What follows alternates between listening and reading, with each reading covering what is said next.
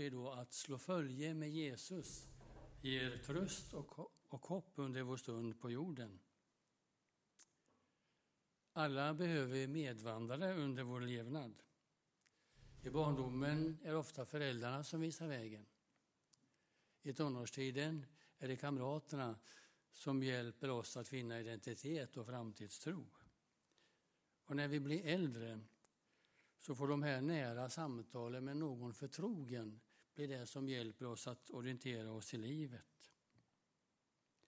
Runt om i vårt land idag så brinner mycket ljus på kyrkogårdar och i kyrkorum.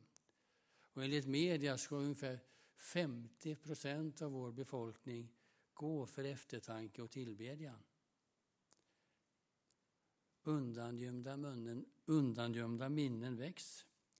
Livsfrågorna aktualiseras på nytt igen. Med genom bibelord, tankar, musik och psalm påminns vi om att Gud är inte långt borta från någon av oss.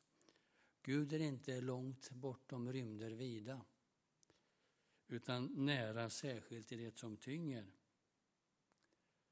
Kan hända den här stunden är särskilt svår för någon av oss.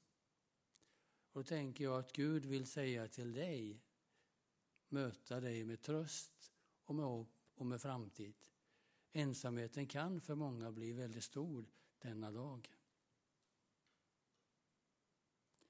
Att, följa med, att slå följe med Jesus är att erfara hans grundtrygghet. Eller som en diktare skrev, det är din närhet som gör trygg i min stig. När Jesus såg sina lärjungar så sa han på följande sätt. Saliga är de som är fattiga i anden, de ska få se himmelriket. Saliga är de som sörjer, de ska bli tröstade. Saliga är de ödmjuka, de ska ärva landet. Saliga är de som hungrar och törstar efter rättfärdighet, de ska bli mättade. Saliga är de renhjärtade, de ska få se Gud. Saliga är de som håller fred, de ska kallas Guds söner. Saliga de som förföljs för rättfärdighetens skull, de tillhör himmelriket. Och saliga är ni när man skymfar och förföljer er och på allt sätt förtalar er för min skull. Gläd er och jubla er, lön ska bli stor i himlen. På samma sätt förföljdes ju profeterna före er tid. När Jesus sa det, saliga de som är fattiga i anden, dem tillhör himmelriket, så var det en hälsning, en lyckönskan om att livet och framtiden skulle bli väl. Det goda budskapet om och för jord och himmel för hela mänskligheten. I språkligt sett så använder vi sällan idag ordet salig. Och salig i biblisk mening har sällan med extas att göra. Nej, det är Jesu lyckönskan till dig och mig att vara hans medföljare.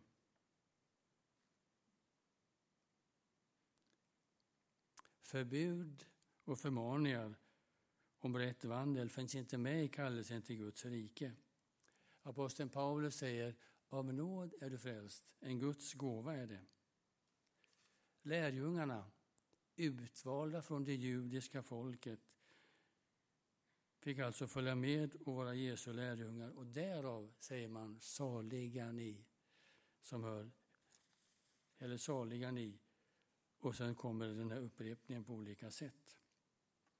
Saligheten är alltså en bild för att i Jesus sällskap växa som människor i tillit och tro. Saligheten kommer just genom att du och jag i olika ögonblick sagt ja till Gud och ville slå följe med honom. Och det ger tröst och det ger hopp inför framtiden. Jag tror att vi kanske inte tänker att du och jag ska bli ett helgon eller helgonförklarad vid något tillfälle. Men däremot får vi ta rygg på han eller henne som har gått före oss för att ha dem som förebilder. Både de som lever idag men också tänka på de som inte längre finns ibland oss. Och sen kan man en sån här dag också reflektera över på vilket sätt vill du och jag vara en förebild för kommande generationer i att leva ett kristet liv?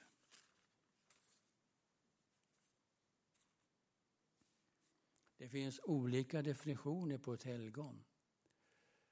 Jag har läst någonstans att Nathan Söderblom som var ärkebiskop för nästan hundra år sedan sa att det är människor som släppt in det himmelska ljuset.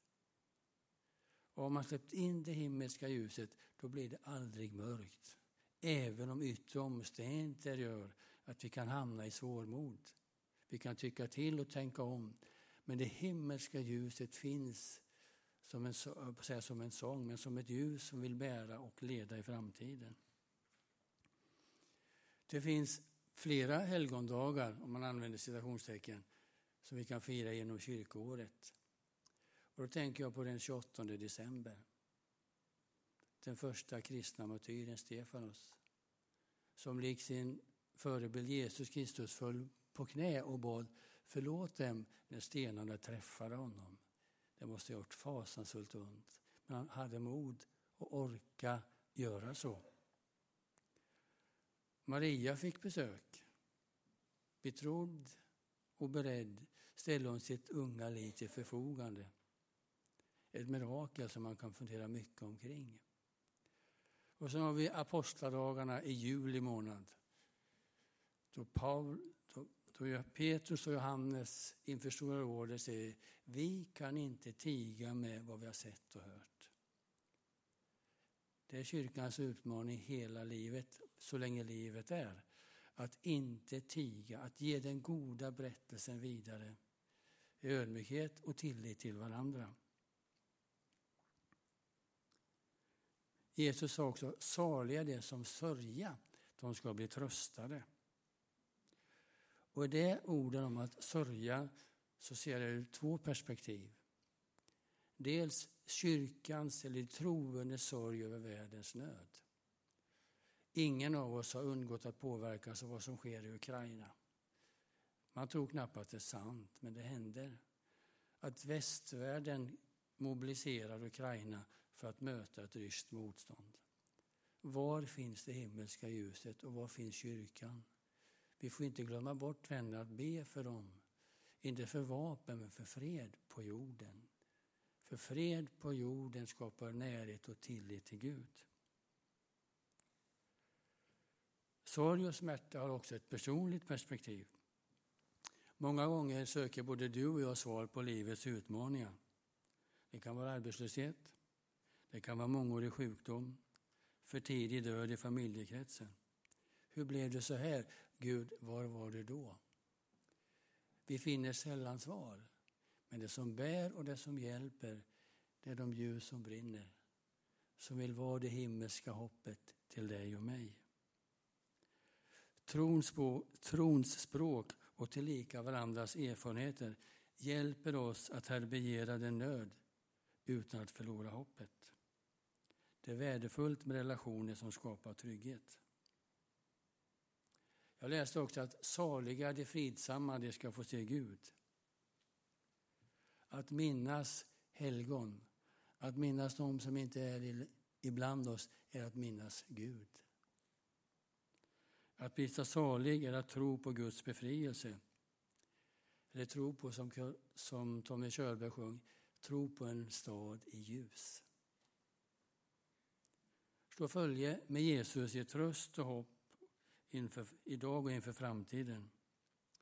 Den stora vita skalan som vi läste om vid ljuständningen har mött frälsningen genom Jesu försoning. Vår vandring till himlen går via Golgata.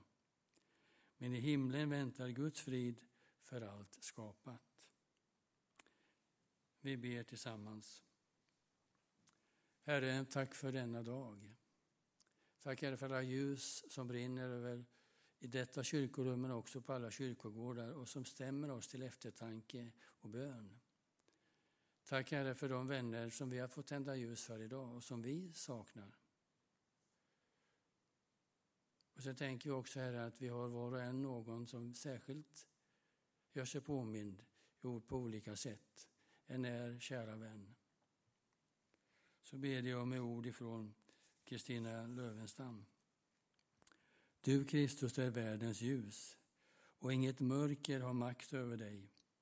Påminn oss om ditt ljus i vårt inre när natten kommer och mörkret skrämmer.